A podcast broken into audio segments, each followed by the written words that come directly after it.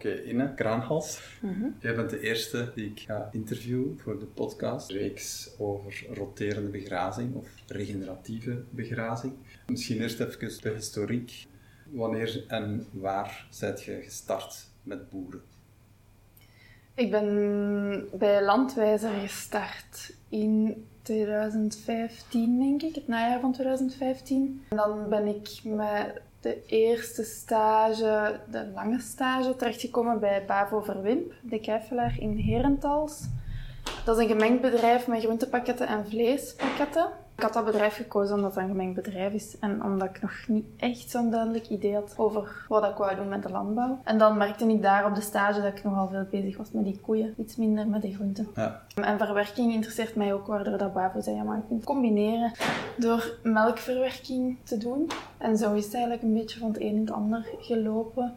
En dan was er hier bij Tom toen nog het open veld ondertussen uh, samengegroeid uh, tot boerencompagnie. Mijn stageplaats, dat was voornamelijk groenteteelt nog, maar Tom had net die paar koeien gekocht die hier aan de abdij konden grazen. En zo ben ik eigenlijk van het begin betrokken geweest bij de veehouderij hier rond de abdij van De Park. ja. Ja. Wat voor veehouderij had Bavo? Uh, blonde dakitijn, uh, standbegrazing. Uh, dat was eigenlijk meer... Ja, zijn vader had altijd gemolken. En met zijn pensioen had hem een paar blondes gekocht om toch nog wat met koeien bezig te zijn. En Bavo heeft daar dan uh, die vleespakketten rond gemaakt eigenlijk om het vlees te verkopen. En ik vond vooral interessant over wat Gus te vertellen had. Of wat is nu eigenlijk een schone koe? Waarom fokt hem met die wel en met die niet? En op welke leeftijd wordt het dan afgemest? En hoe zit dat met dat slachten? En ik was toen nog niet bezig met begrazing. Dat was echt gewoon introductie in vee. De stal uitmesten mee, gewoon kijken naar die koeien en een kalving een keer gezien ook. Ja. Um, Just kon mij dan veel vertellen over, ja, je kunt zo lang wachten bij die fase en je moet opletten als er dat gebeurt en je kunt de poortjes. En... Allee, die heeft mij zo wel veel verteld. Ja. En zo is dat eigenlijk beetje bij beetje gegroeid. In het, in het vak van veehouder gerold, Ja. zonder het eh, op voorhand te plannen. Ja, het was echt niet gepland. Nee, Nee. nee, nee. En Soms nog altijd verbaasd over, maar eh, ja, Dan het is zo gegaan. die liefde, want jij komt Ja. uit een heel andere... eh, Ja, ik heb restauratie van schilderkunst gestudeerd Mhm. in Antwerpen. En tijdens de examenperiode was ik aan het surfen op het internet. ehm, en kwam ik een interview tegen met Corazon en Ineke, die samen Grondsmaak zijn gestart, jaren geleden. een CSA-boerderij. Een CSA-boerderij in Kontig. En in dat interview was sprake van Landwijzer. En ik ging op de website van Landwijzer kijken. En daar stond dan ook dat ze een cursus paardentractie organiseerden. En dan heb ik mij direct ingeschreven. De cursus paardentractie is toen niet doorgegaan. Maar ik ben wel in het leertraject gestapt en zo van het een in het andere gerold. Oké, dus zo beland jij dan via een cursus paardentractie Ja. die uiteindelijk niet is doorgegaan in Landwijzer. Ja. En dan eerste stage bij Bavo, daar interesse in de veeteelt. Hm. Eh, en dan hier de opstart bij Boerencompagnie met, met de koeien. Dat zijn nog altijd vlekvee. Ja, En eh, je bent niet van boerenafkomst, hè? nee.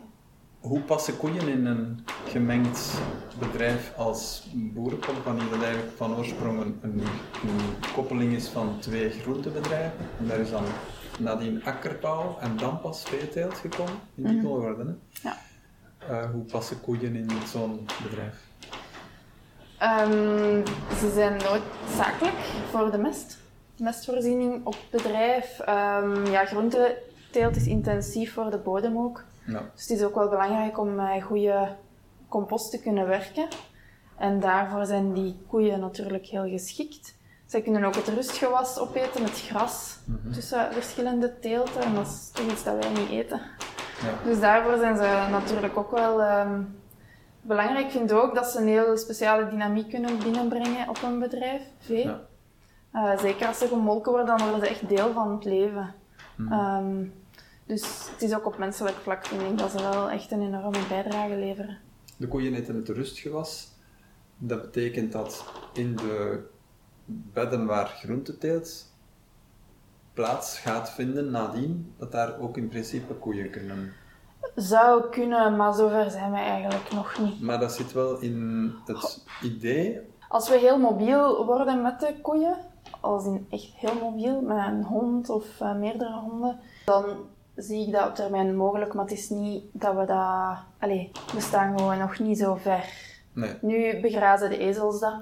Ja. Uh, het wordt een beetje gemaaid, de ezels staan daar. Dat is niet de begrazing gelijk het in de boeken staat, maar ja, voorlopig is het zo. Ja, maar toch ook bewust voor die ezel om daar een dierlijke component in dat rustgewas Ja, Tom heeft al langer die ezels ehm, voor inderdaad toch een dier te hebben. Ehm, en voor de leden is dat natuurlijk ook leuk. hè. Ja, zowel het, eh het belevenisaspect als de, als Ja. de bodembruikbaarheid. Ja, en ook de koeien bij ons rond de abdij zijn hele lichte gronden. En eigenlijk kunnen daar geen akkerbouw, nog groenteteelt doen. Dat is zand. Ik weet niet wat er daar gebeurd is in het verleden, maar misschien met het graven van de spoorweg. Wij hebben het vermoeden dat er het een en ander gewoon een perceel er langs gegooid is geweest, plus jarenlang maïs. En wat je zegt juist, dat is eigenlijk geen grond voor akkerbouw. Toch is daar jarenlang eigenlijk Ja. maïs gezet. Hè? En nu is dat, dat is verschrikkelijk. Hè? Nu heeft het eigenlijk redelijk veel geregend. Maar als het nu een week echt warm is, dan heeft Dan ons... merk je daar niks meer nee, van je merkt daar niks meer van. Dan is, dat, Hmm. dan is dat gewoon, ja, echt zand. Hè? Het Ja. heeft totaal geen structuur, dat is heel arm. En zijn alle bodems rond de abdij zo, of is dat enkel dat stuk Het is het stuk? Dicht bij de spoorweg en echt rond het kerkhof, daar is het heel erg. Hier meer naar boven toe wordt het iets zwaarder. Dat is op zich betere grond, maar de bodemanalyse dat is eigenlijk heel triestig. Hè? De toestand van de grond, er is heel weinig organisch... ehm, Weinig organische ja. stof. Ja. Maar dus ze grazen hier ook en we gaan onze melkstal ombouwen. Dat wordt nu de tweede helft van juli gedaan, zodat we echt met de kudde ook hier kunnen komen om te melken. Dus daar heeft vee gestaan, maar dat was jong vee of vleesstieren. En nu willen we echt met onze melkkoeien ook naar hier komen, zodat we hopelijk volgend jaar en min of meer jaar rond, ik bedoel, wij de seizoen rond kunnen begrazen. Met tijdelijke graslanden die dan in akkerrotatie zitten. We vermoeden dat, maar het bedrijf is zo geëvolueerd de laatste jaren dat wij niet altijd een enorme duidelijke lijn hebben. Maar we vermoeden dat we alle graslanden rond de abdij wel gaan blijvend nodig hebben voor het vee, voor het melkvee. En dat dat dus niet meer opnieuw eh, akkerland zal worden. Want dat was wel een, in een akkerrotatie. Ja, Dus dat, dat is eigenlijk een verandering van tijdelijk grasland naar blijvend grasland. Ja. We hebben ook wel geïnvesteerd in die mengsels. Dat zijn mengsels, ja, ik heb ze gewoon ja, bij Neutkunst gekocht. Ik heb advies gevraagd rond eh, mengsels voor droogtegevoelige percelen. Ehm, daar zitten verschillende klaversoorten in, ook verschillende grassoorten. En dan wat kruiden, zodat er ja, diep wordt, dat het wat afwisselend is qua beworteling. Ook zodenvorming, zodat die, ja, die, die kale plekken, die gewoon zand zijn eigenlijk, dat die hopelijk ehm, eruit gaan. ja. We hebben uit noodzaak eh, bale grazing toegepast. En uit noodzaak omdat wij geen stal hadden die toegankelijk was voor het vee in de zomer, om het gras rust te gunnen eigenlijk. Kun je eens uitleggen wat bale grazing is? Ja, bale grazing is het eh, voederen van voordroogbalen op de weide. Ja. Ik probeerde met onze knieklader die bollen uit te rollen, zodat er één lange grasstrook is eigenlijk. In het ideale scenario zet je je balen al op een mooie afstand in de wei en spant je dat af en, en gaat je op die manier roteren eigenlijk. Maar dan eten ze voordroog in plaats van gras. Maar je zet dan ook altijd een achterdraad, zodat ze je wei niet helemaal kapot lopen. Wij hebben het niet zo ideaal gedaan. Wij hebben een, stuk van een wei genomen en daar op verschillende plaatsen elke dag een baal gezet die ze zo goed mogelijk opaten. Bij zo'n balegrazing is er verlies. Er is voeder dat op de grond valt, blijft liggen, dat ze niet meer willen. Maar ik zie wel, vorig jaar, het zag er enorm triestig uit, ons grasland, met allemaal van die plekken waar die balen, waar restvoeder lag eigenlijk. Maar dit jaar zie ik dat daar het gras en de klaver veel beter groeien, omdat daar organisch materiaal is toegevoegd dat eigenlijk die planten kan ondersteunen. En dat kan, allee, want het vorig jaar was eigenlijk wel droog, maar toch hebben we een, allee, eigenlijk wel goed gras gehad. Vooral op die plekken waar er veel gevoederd is geweest en waar er dus ook voeder is blijven liggen. Ja. En er zijn plekken waar dat we te veel restvoeder hadden liggen en die zijn nu nog altijd kaal.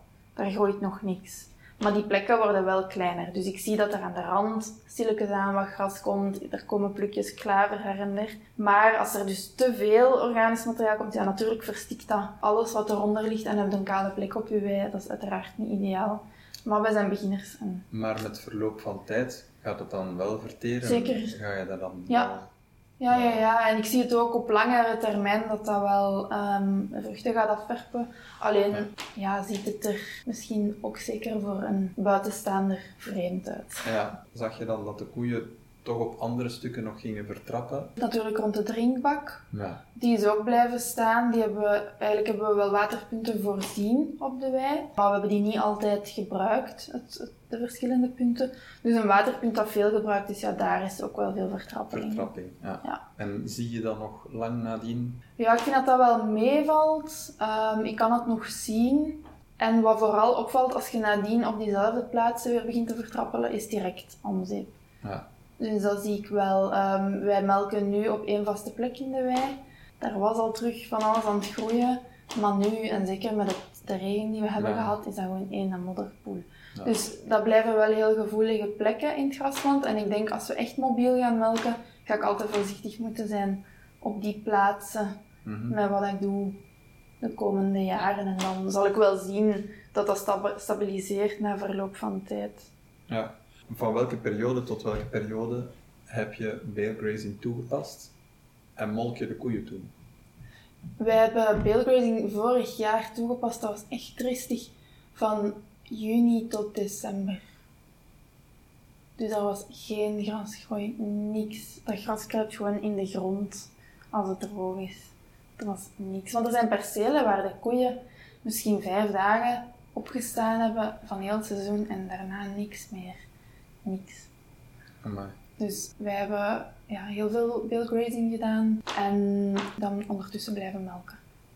Was die melkproductie vrij stabiel? Of Vorig jaar was het helemaal niet goed, omdat we dan de zomersnede is in een bui, heeft in een bui gelegen nadat het gemaaid was. En ja, ze zeiden altijd dat het ging regenen, het viel nooit, dan maaien we en dan valt de regen toch. Dus we hebben eigenlijk heel veel slecht voeder gehad. Dus ook een hele lage melkproductie.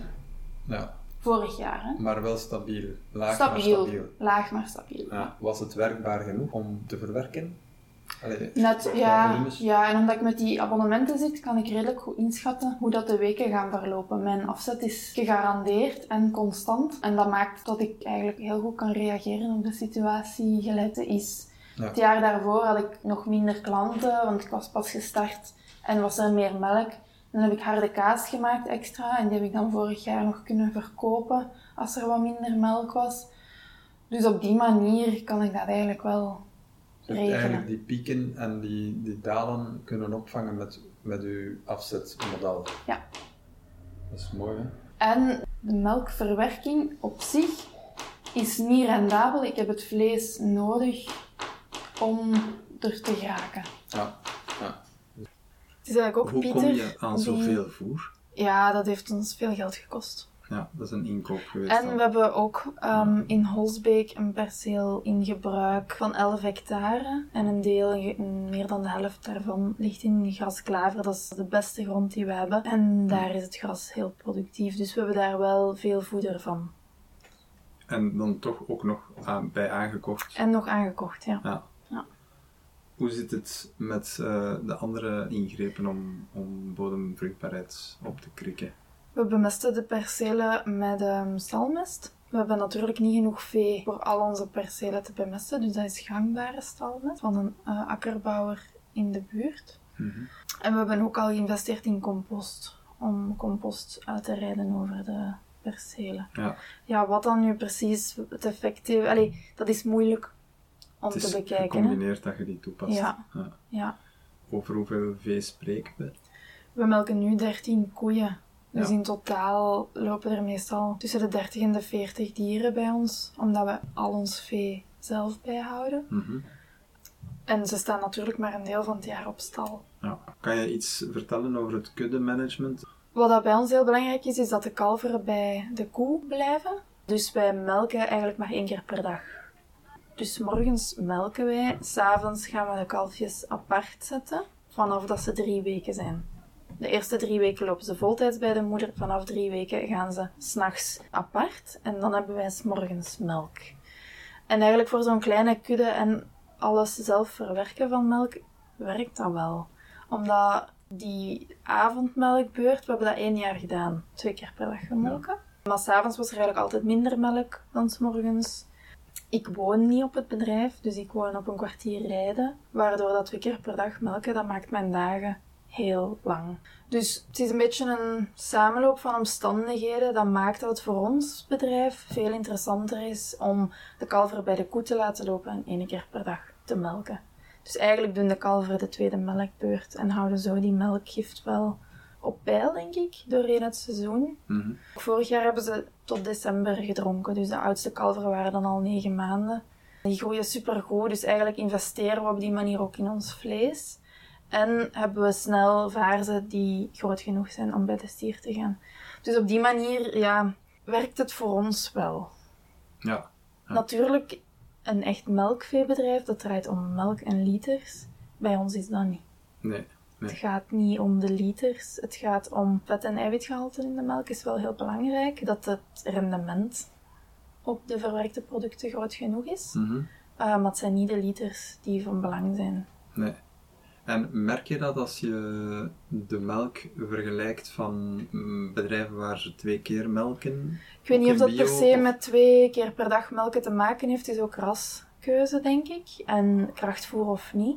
Hm. Maar ik kan wel... Allee, ik heb de indruk dat ik dat wel merk in de melk. Ja, ik las in een interview in Knak met u dat je als een koe zich niet goed voelt in de kudde, dat je dat proeft in de Ja, melk. ik had dat gezegd in het kader dat als een koe zich niet goed voelt, ze heeft stress, dan heeft ze heel gemakkelijk uierontsteking. Dat is niet altijd bloederig, dat is niet altijd met klonters, maar dat kan wel zout smaken.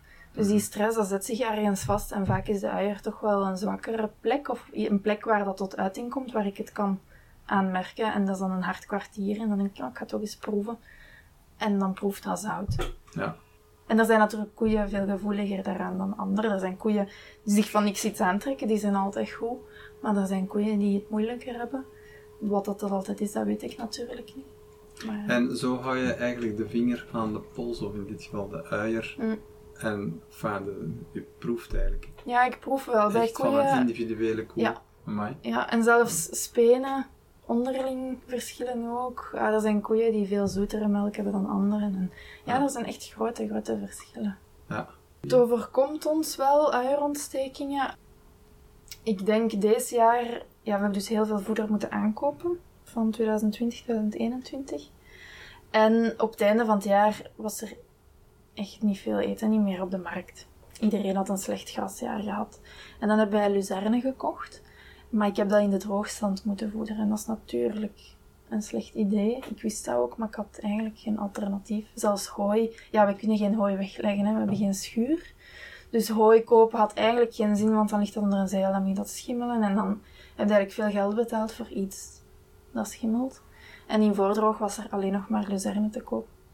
En we hebben wel wat last gehad van uierontstekingen net na kalven. En, En ik dat denk? Te, Te veel eiwit tijdens de droogstand. Eh, dus eigenlijk is dat melkgeef eten. En in de droogstand moeten dan het absoluut zien te vermijden. Nee, nee. Maar het is niet gelukt. En ik denk dat die uierontstekingen daarmee te maken hebben, omdat ik voor de rest niet, niks anders heb gedaan dan de jaren daarvoor. En het is de eerste keer dat het mij zo opviel. Er is elk jaar wel één die een uierontsteking ontwikkelt. Ik denk dat hitte daar ook mee te maken heeft. Of net kalven als het heel warm is. Ik weet het niet helemaal. En hoe los je dat dan op normaal? Melken. Ja. Gewoon melken. Eén keer heb ik een koe gehad die niet wou eten. Die heb ik wel antibiotica gegeven, want die moest gewoon snel erdoor komen. Ja. Maar dat is dan ook de melk twee weken weggooien. Hè. En over het algemeen qua veeartskosten Die bij kalvingen en zo geen Nee. veearts nodig? over het algemeen niet. Nee. Het is al een paar keer gebeurd dat er complicaties zijn, dat het moeilijk gaat. Maar normaal gezien, gelijk gisteren, was er een kalf geboren. Het ligt gewoon 's morgens in de wei. Maar ons vee is eigenlijk zelden ziek. En qua, qua verwerking, eh, controles daarop, qua ja, al de verhalen dat je hoort van rauwe melk en de mogelijke gezondheidsimplicaties, ook Mhm. die verplichting denk ik nog steeds om te zeggen niet rauw gebruiken. Ja. Of, of Ja. Wat, wat zeggen ze juist? Koken voor Koken gebruik. voor gebruik. En Ehm, ja, snel hoe- verbruiken ook. Hoe gaan jullie klanten daarmee om? Weet je dat? Velen drinken de melk rauw, denk ik. Maar er zijn er ook die ze absoluut willen koken. Heb je daar van FHVV bijvoorbeeld veel controles op die kleinschalige zelfvermarkting? Ja, het voedselagentschap komt hier natuurlijk over de vloer voor de jaarlijkse controles, denk ik, dat zij moeten doen. En ik doe ook alle labo-analyses die verplicht zijn. Hè. Dus als verwerker drie keer per jaar en de melk moet vier keer per jaar gecontroleerd worden. Dat is omdat ik niks lever van melk in lange Anders is dat nog frequenter. Ja, bij, elke, bij melkveehouders is dat bij elke melkophaling Ja. dat de melk gecontroleerd wordt. En bij mij is dat dan maar vier keer per jaar. Vooral de verplichte- microbiële controles. Ja, microbiële controle. Ja. Ja. Ja. ja. En ik, eh, ik zit daarvoor mee in het programma van ehm Steunpunt. Zij Ah, organiseren dat voor ehm kleins. Allee, zij doen dat. Ja, ik vind dat wel tof eigenlijk dat dat eh, op die manier gaat. Dus als het labo dat mij contacteert van ethisiteit, we komen dan. Ik zet alles klaar in de frigo en ik heb daar verder weinig zorgen aan. Dus, Dus dat loopt, dat is echt eigenlijk goed wel- georganiseerd. Compatibel hoe het FHVV die zaken reguleert met kleinschalige verwerking. Ja, ik merk gewoon dat wij als bedrijf moeilijk in, het, in de formulieren passen, omdat wij zoveel activiteiten Ja, eh, aan het ontplooien zijn. Dat, dat, ja, dat is gewoon veel. En een winkeltje, daar moet iemand anders voor komen dan voor het vee. En die hebben allemaal hun eigen domein, Mhm. waardoor er soms gewoon heel veel controles plaatsvinden, omdat Ja. al die verschillende controleurs van die domeinen hun domein moeten controleren. Het heeft wel nadelen op bepaalde vlakken. Ja. De schaalnadelen die spelen zeker. En de complexiteit, hè. je moet ja, van al die verschillende wetgevingen het ook gewoon weten. Want het moet in orde zijn. Ja, het roteren, kan je dan nog een beetje uitleggen wat jullie visie daar rond is? Wij willen roteren met de koeien omdat we hebben gezien dat die standbegrazing dat dat niet werkt. Dat put de graszoden uit, zeker in slechte grond gelijk hier. En voor de weerbaarheid van het gras is dat gewoon echt belangrijk dat er rustperiodes zijn. Mhm. En daarom willen we daar meer en meer mee bezig zijn. Dat is natuurlijk een zoektocht. Dat is veel obstakels die ineens op onze weg komen. Het is nieuw, hè?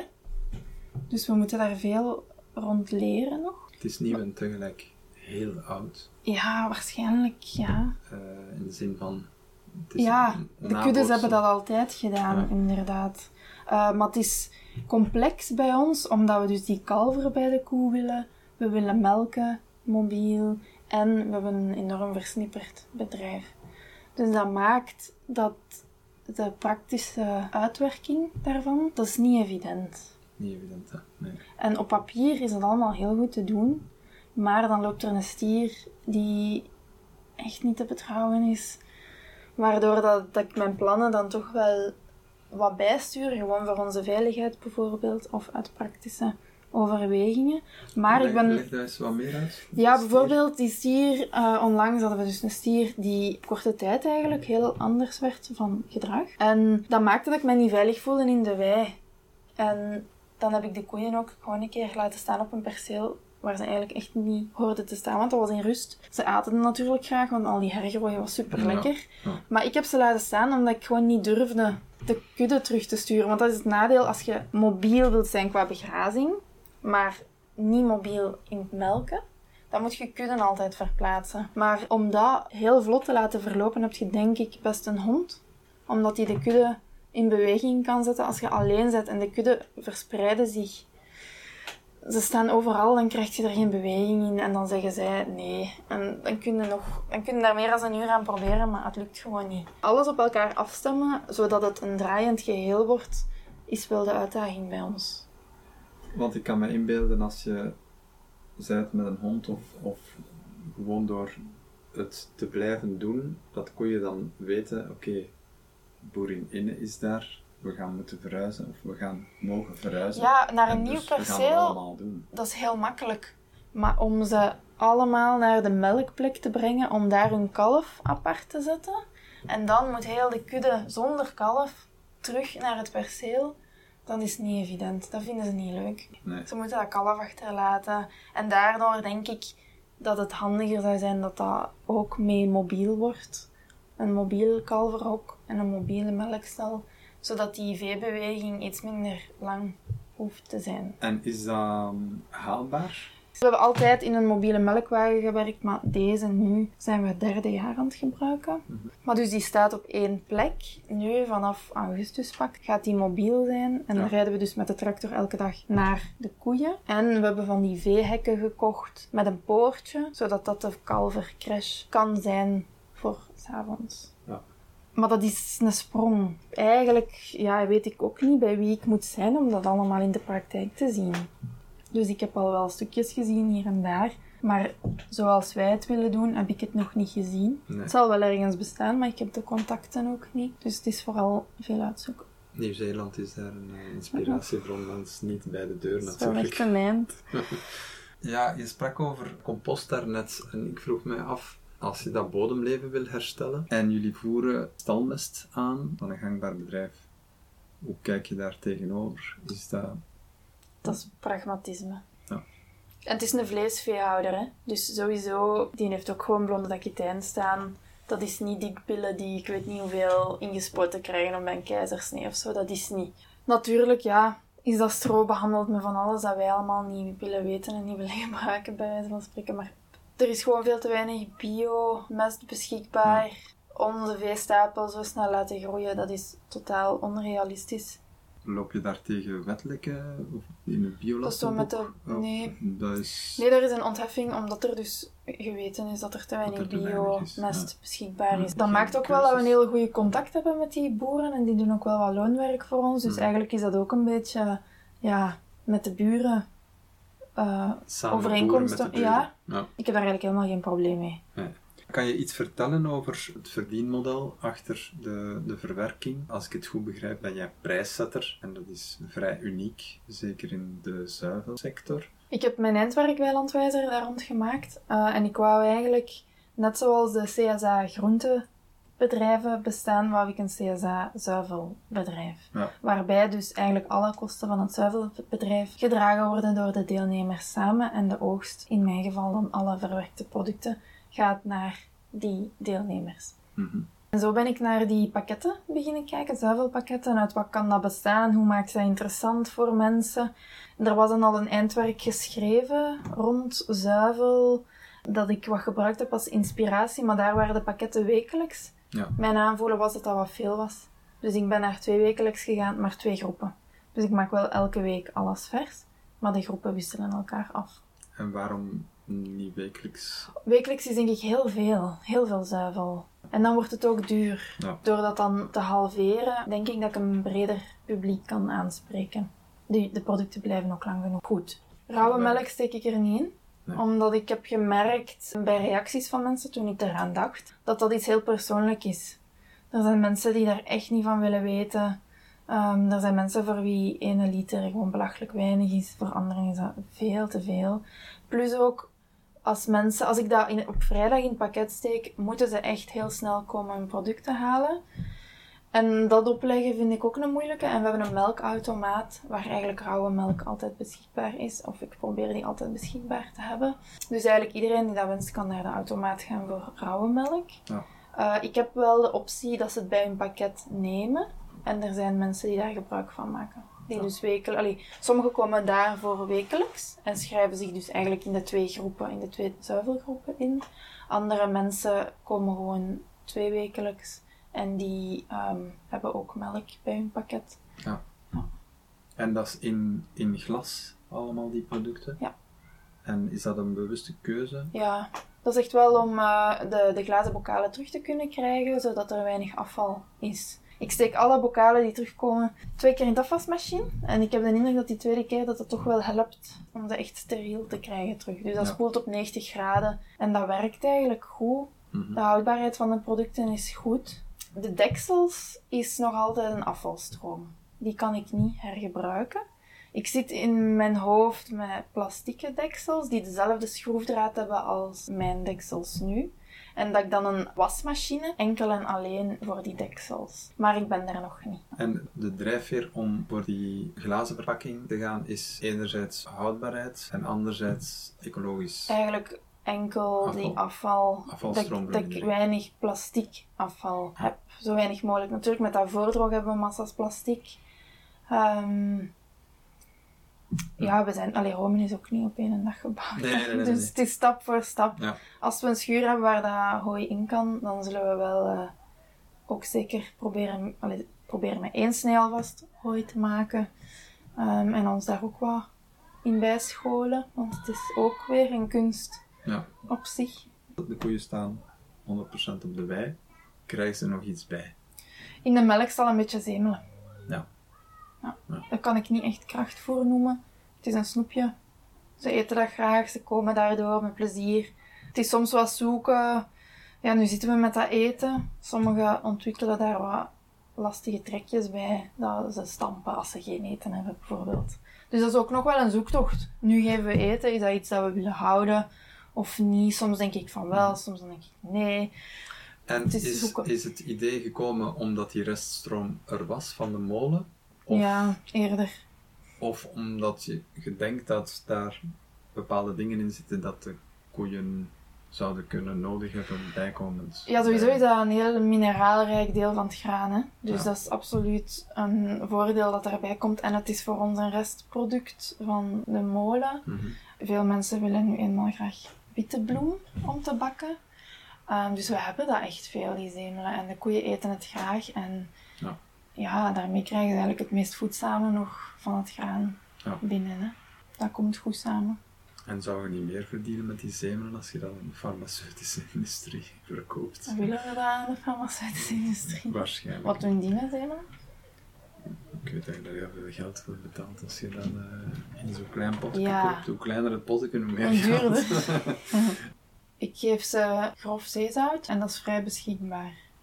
En dat is zo ongeraffineerd zeezout, waarbij dat eigenlijk... Ik heb erover zitten lezen op internet en veel veehouders zijn er heel enthousiast over, omdat daar nog superveel mineralen in zitten. Mhm. Uh, soms zelfs meer dan in van die kernen die je koopt. Ik wou die samenstellingen nu een keer eens naast elkaar leggen. Wat zit er in die commerciële mineralenmengelingen? Wat zit er in dat zeezout? En op welke manier kan ik dat goed aan de koeien geven? Want ik merk wel, door geen stal te hebben of weinig infrastructuur, blijven zo van die dingen gemakkelijk liggen. Want het is niet gemakkelijk om dat zout te geven. Gewoon omdat dat niet in een stal is waar alles vlak bij elkaar ligt. Dus ik moet met eten rondrijden, ik moet met stro rondrijden, ik moet met zout en mineralen rondrijden. En dat is niet altijd evident. Ik merkte als de koeien op stal zaten, dan had ik daar dat zout en dan gaf ik dat ook vaak, omdat dat gewoon gemakkelijk is. Het staat daar toch, dus ik moet daar geen moeite voor doen. Nu moet ik dat van de stal naar de wei brengen en daar stropt het dan weer. Hè. Dus die lijnen makkelijk maken, zodat er weinig energie verloren gaat, dat is gewoon super belangrijk en dat is niet evident. Niet evident. Uh, wat ik wel een uitdaging vind in zo'n weidesysteem is hoe bied je zo'n dingen aan? Want je kunt een hele bak maken met allemaal soorten mineralen en andere uh, kruiden of zo. Ja. Maar als dat in de regen staat, dan is het allemaal verloren. Um, je moet dat eigenlijk naar elk perceel meenemen.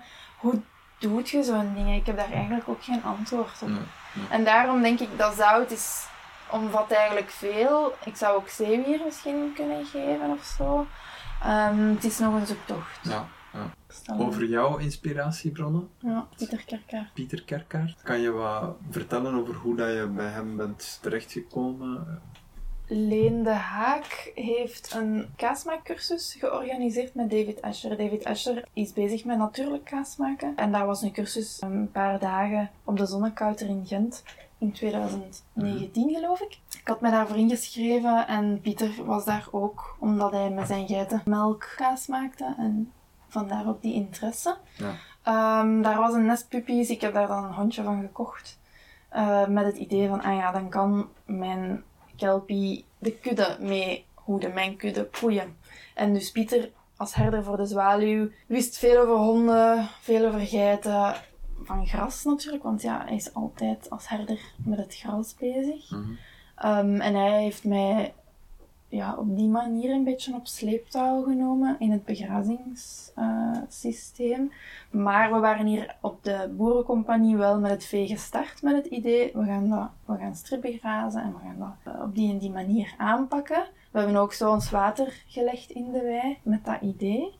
Maar door heel de tsunami van werk die over ons heen gespoeld is, is dat van roterend begrazen naar standbegrazing gegaan. Maar wel altijd met, oké, dat is nu zo, omdat we niet anders kunnen. Maar zodra we kunnen, gaan we dat veranderen. En nu zijn we daarmee bezig. Mhm. En Pieter vraag ik geregeld nog om eens naar het gras te komen kijken. Of als ik niet helemaal zeker ben dat de koeien het goed genoeg hebben opge- opgegeten, dan bel ik een keer en dan zeg ik, ik zie die en die planten nog staan. Pieter is gewoon heel goed om mij te wijzen op het lange termijn idee van begrazen. Het gaat niet om de planten die daar vandaag staan, maar het gaat over de planten die we daar willen krijgen, die, die we willen een goede omgeving geven, zodat die planten sterk worden eigenlijk. Dus nu staan daar heel veel planten in dat ik eigenlijk niet wil. Maar Pieter zegt, hou je daar niet te veel mee bezig, maar ziet dat de klaver en de grassen die ze graag eten, dat die goed kunnen rusten, want dan worden die vanzelf sterker en dan gaan die het goed doen. Heel het idee van successie in de, in de vegetatie, Ja, dat je eigenlijk opbouwt en opbouwt, zodanig dat, dat je op het einde met een diverse wei van Mhm. Eh leguminozen, grassen en kruiden eindigt. dat is de bedoeling. Ja. En Pieter ja, helpt mij dus met dat begrazingsidee Mhm. wat uit te werken, om daar zo wat tips rond te geven en dan ook met de hond. Ja. Zodat dat allemaal mobiel kan worden. Ja, de hond om mij te helpen om de kalveren uh, s'avonds apart te zetten, dat is helemaal geen makkelijke klus voor een hond, want dat is sowieso een stresserende gebeurtenis in de kudde. Maar ook om ja, onze versnipperingen. We moeten altijd met die koeien eigenlijk wandelen. Ja. Of ze altijd op een beestenkar laden en dan twee, drie keer rijden, want ze kunnen er niet allemaal op. Hm. Dus om een beetje meer autonoom te worden daarin, dat Tom en ik eventueel zelfs alleen wandelingen kunnen doen met de kudde en een hond. Ja. Nu zou ik misschien eerder een wachten en meer uitgeven aan die hond voor een volwassen hond. Want zo'n pup, ja, je weet eigenlijk niet wat je koopt en dat is een heel toffe hond. Maar ik denk dat we meer moeten kijken welke hond past op welk bedrijf dan, ah ja, ik wil een hond en ik zal wel zien hoe dat hem wordt. Ik denk, het karakter van een hond is ook heel bepalend over wat je ermee kunt doen. Ja. Welke positie dat hij kiest ten opzichte van de kudde. Heeft hij geduld, heeft hij respect of niet. Dat is gewoon heel belangrijk. Dus En- niet, niet alleen aan te leren, het is ook echt het karakter van de mens Ja. zelf. Ja. Ja. Hoe ben je op dat spoor gekomen van roteren? Uh, dat was Tom eigenlijk die dat boek heeft gelezen van Joel Salad in Salad Bar Beef, denk ik. Ja. Waarin dat hij ehm, redelijk praktijkgericht zijn manier van werken uitlegt. Mhm. Ik heb zelf ook het boek Holistisch Management gelezen van Alan Savory. Ik sta daar niet ver in, eigenlijk, met het uitwerken of zo. Ik- dat is ook iets wat we als bedrijf moeten doen, als we dat willen doen. Dat is een keuze. Dat het zo kernachtig kan zijn, dat het op één bladje past, maar dat je er ook een heel boek aan kunt wijden. Eh, ik vond dat wel inspirerend om beter te begrijpen wat er ook gebeurt op wereldvlak. Want wij zitten hier natuurlijk in een relatief eenvoudig klimaat om te beginnen begrazen. Ik heb fouten gemaakt, maar ik word niet afgestraft. Volgend jaar is dat hier geen woestijn, omdat ik een gevaarlijke stier had en daardoor Ja. de planten in rust ben gaan begrazen. Dat is niet. Maar dat heeft mij wel toch wel wakker geschud over wat we eigenlijk kunnen doen als veehouder. Mhm. Wat ik nu eigenlijk ook wel zie als onze taak, om de koe haar plek te geven die ze zou moeten innemen. Mhm. En ja, ik ben wel blij dat ik dat boek heb gelezen. Ook al vind ik het wel heel moeilijk om een omslag naar de praktijk te maken en om dat zo consequent toe te passen. Die vragen die hij stelt zijn super relevant, maar het is wel echt een uitdaging om daar vanuit zo'n boek mee aan de slag te gaan. Dus ik ben zo wat blijven steken bij het boek en ik denk daar nog vaak aan terug.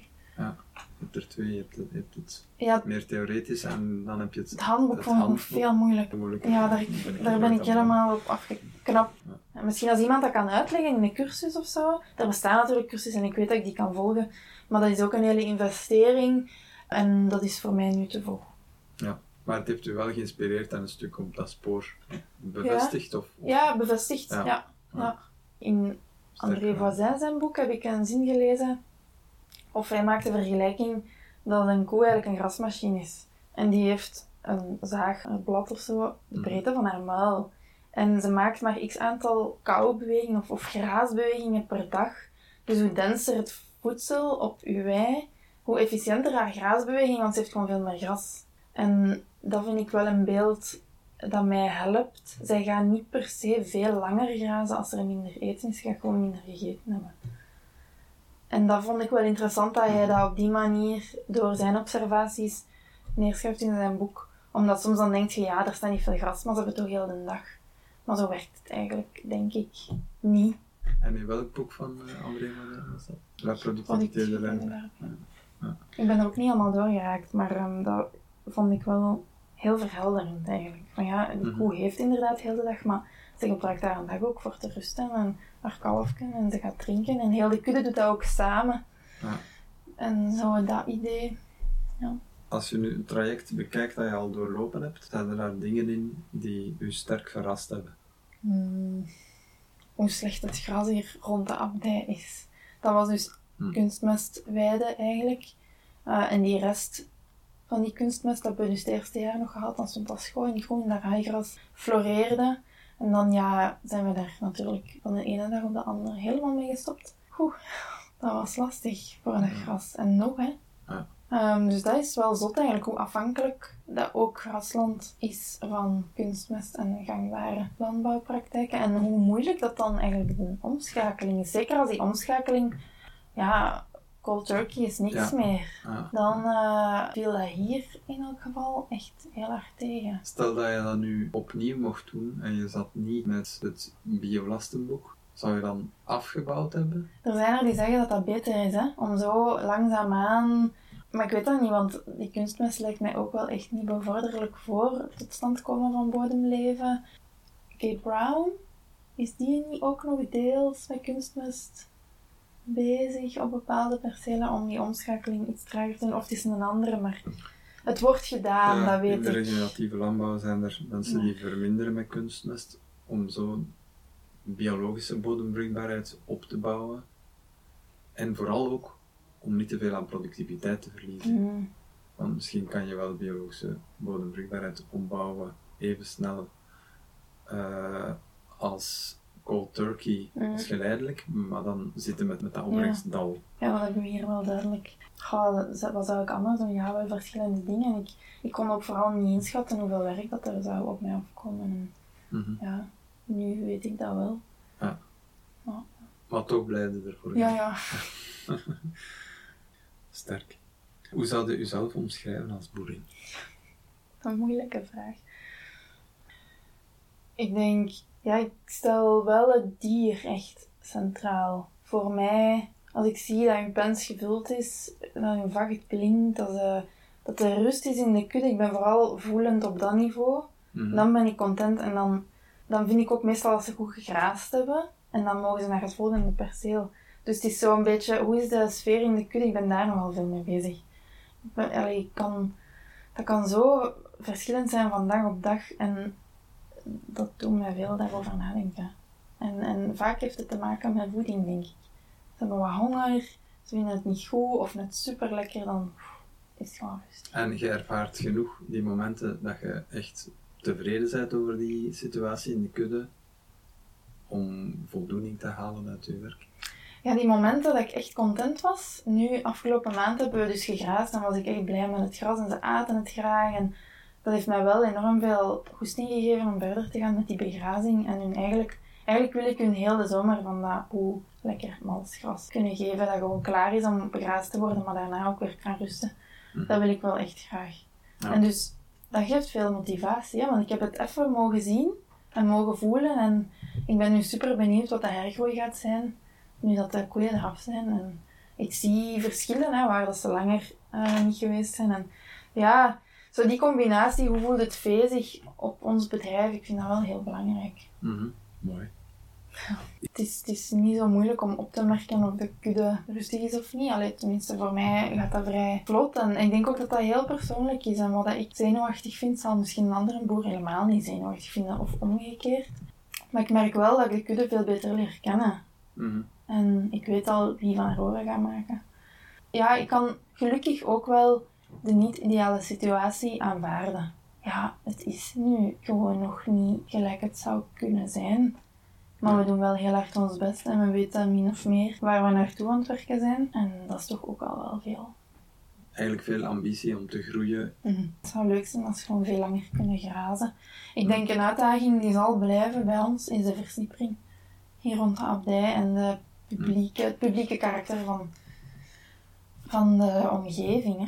Dat maakt dat we niet, ja, we zitten hier niet in the middle of nowhere op een gebied van 80 hectare waar nooit iemand de weg moet oversteken. Dat is hier gewoon niet zo. Je bedoelt, het is versnipperd en er zijn veel eh, ja, weggebruikers die niks met het bedrijf te maken Ja. hebben, maar die, die wel die ruimte Ja. een stuk opeisen waarschijnlijk ook. Ja, en nodig hebben. En, Ja. en het is gewoon publieke ruimte. En zo publiek boeren heeft voordelen, heeft nadelen. Voordelen natuurlijk voor de afzet en eh, gewoon het verhaal Ja. kunnen vertellen aan de mensen of, of onze visie kunnen meedelen. Maar natuurlijk is het niet altijd leuk om om 8 uur s morgens voor een publiek van 10 mensen te staan melken. Als de koeien traag aan het oversteken zijn, dan staan daar mensen te wachten. Die zijn soms gehaast. Weegt dat zwaar op het einde van de dag? Dat is de ene dag tegen de andere. Soms heb ik heel leuke babbels. Soms komen mensen mij zeggen dat koeien niet mocht slachten. Dat ze niet zijn om op te eten. Of dat het heel slecht is voor het milieu. En die dingen raken mij ook wel. Net omdat ik eigenlijk zoveel bezig ben met het welzijn van de koeien. Wij hier allemaal op bedrijf. Dat Ja. Als iemand dat tegen mij zegt, is dat echt kwetsend eigenlijk. Het is nu niet dagelijks, maar ik hoor natuurlijk ook niet wat iedereen onder elkaar zegt. Hm. Ik voel wel dat veehouderij onder druk staat. Hè? Mhm. Zelfs filosofen die, die eigenlijk niet begrijpen waarom dat er nog een dier gedood moet worden. Ja, en dan, komen, dan, dan is enkel het enige wat er wordt gezegd, hoe kun je nu een dier graag zien en het toch slachten? Dat gaat toch niet? Dus als je dier graag ziet, dan slacht je het niet. Maar voor mij is dat zo anders. Ik zie ze allemaal graag en ik weet dat ik die keuze moet maken om, de, om de af, en, allee, af en toe moet er gewoon in tussenuit. En ja, ik vind dat heel jammer eigenlijk, de beperkte visie en beperkte dialoog ook dat daar rond bestaat. Het is Mhm. één discours dat nog... Allee, zelfs ook op de radio is het soms zo... Ja, het gaat echt niet diep, de discussie. Nee. Weinig mensen weten ook nog iets over een landbouwbedrijf, dus wie staat sterk genoeg van journalisten of zo om daar een keer een deftige vraag over te stellen? Ja, Dat daar is- teleurgesteld in, in hoe de sector eh, gezien wordt in de media. Ja, Kan ik begrijpen. Het is ook een complex verhaal. Het is altijd gemakkelijker om iets zwart-wit. Om iets zwart-wit Te te vertellen. ja, natuurlijk. En, en op internet met die bubbels eh, waar mensen zich soms helemaal in opsluiten en dan... Soms denk ik ook, in welke bubbel zit ik? Mhm. Dus allee, ik, ik vind dat ook naar mezelf toe, van ja, zit ik in een waan die niet bestaat, die inderdaad. En, en ja, het is zo wegzoeken. Hè. Op hoeveel hectare land werkt de boerencompagnie nu? En hoeveel van dat land is direct, indirect betrokken op die koeien? Ja, ik ben er heel slecht in, in die oppervlaktes. Maar ik geloof dat we net geen 40 hectare gebruiken. Mhm. Hier rond de abdij is dat denk ik een 10 hectare weiland. Dat we vanaf hopelijk augustus allemaal al grazend met het melkvee kunnen bereiken. Mhm. Maar dat is dus heel onproductief land. We hebben dan nog die blok van 11 hectare waar vee, jongvee graast Mhm. op een stuk. En een ander stuk wordt gemaaid voor de melkkoeien ook en, het vee in de winter. Ja. Dus dan hoeveel zit ik dan? Zit ik al aan meer dan 20 hectare dat ingezet wordt voor het vee. En er is nog een stuk van, denk ik, 3 hectare. Dat was eigenlijk graan, maar we, wel, we wilden werken met een onderzaai grasklaver. En met het weer, het, het ongelooflijk goede grasweer, heeft, die, heeft het gras helemaal de overhand genomen. Dus Ja. we gaan dat ook gewoon maaien en dat wordt onverwacht extra gebruikt voor de koeien. Het is eigenlijk wel de bedoeling om eh, een evenwicht te bereiken, dat de koeien ook nu nemen de koeien eigenlijk enorm veel plaats in, in ons areaal. Maar het is ook wel omdat dat gras natuurlijk heel goed is voor de grond te verbeteren. Ja. Dus eh, ook eh, een, een deel mag tweedejaars omschakeling zijn. En ik denk zelfs eerstejaars omschakeling als het van je eigen bedrijf is. Dus het is ook wel een manier om, om gronden die we pas in gebruik hebben om te schakelen. Eh, onze varkens zijn niet bio om die reden ook, zodat we omschakelingsgraan eh, aan de varkens Ja, kunnen bijvoederen. Om zo die omschakelingsgronden toch ja, nog te kunnen inzetten. En dan het tweede jaar omschakeling is dan meestal gras, grasklaver, die dan twee, minstens twee jaar blijft liggen. En dan dat tweedejaars omschakelingsvoer, dat kun je gerust geven als het van je eigen bedrijf komt. Ja. In een bio. eh, Dat is dus nog een vrij groot aandeel van maaigras in het, in het geheel. ja, Ja, omdat dus Holsbeek, dat is 12 kilometer van Ja. hier. Dan Bierbeek, dat is ook alweer een paar kilometer rijden. Kesselo, dat ligt achter dat dij van Vlierbeek. Daar gaan we ook al wandelend niet met ons koeien geraken. Dus het is gewoon de versnippering die maakt dat wij ook nog veel maaien. Ik had heel graag die blok van 11 hectare hier om te grazen. Mm. Uh, of we hebben zelfs ooit gedacht, we gaan daar melken. Maar gewoon het verkeer rond Leuven, dat is eigenlijk niet te doen om daar u elke dag in te begeven. Ja. En ook wil eigenlijk een melkvee wel dicht bij huis. Dus dat is niet realistisch. En daardoor maaien wij wel veel, ja. En is dat ehm, iets wat je op termijn, stel binnen tien jaar, dus dit perceel Mm. er ook bij komt, Ja. dat dat soort beweging zich wel, dat het een, een, een vlek wordt die uitspreidt. Dat zou mooi dat, zijn. Dat je meer die aaneengeslotenheid terug krijgt. Is dat een perspectief dan? Ja, zeker op gemak, hè. Ehm, de gronden komen niet gemakkelijk vrij. Ehm, en dat moet toch vooral met een goede verstandhouding zijn met de collega-boeren in de buurt. Ja. Maar zeker, ehm, we zien dat er hier nog veel ligt hè, waar dat wij niet, eh, geen toegang tot hebben. Dus Ja. dat mag en dat zou ook mooi zijn. Dat we eigenlijk ja, voor het, het eh, begrazen veel dichter bij huis kunnen blijven, maar zelfs het maaien grazen eigenlijk vlotter kunnen afwisselen. Want we hebben dat in Holsbeek gedaan eh, dit voorjaar. We hadden weinig voeder. We zijn gaan grazen. En eigenlijk na het maaien was die hergroei van het gegraasde stuk wel echt schoon. Hmm. Omdat, ja, dat is toch anders. Of dat een perceel gemaaid wordt, of de zodenvorming is beter en zo. Dus ehm, het zou mooi zijn. Ja. Ja, ja. Toekomstmuziek. Heel erg bedankt, Ine, voor deze Met plezier. babbel.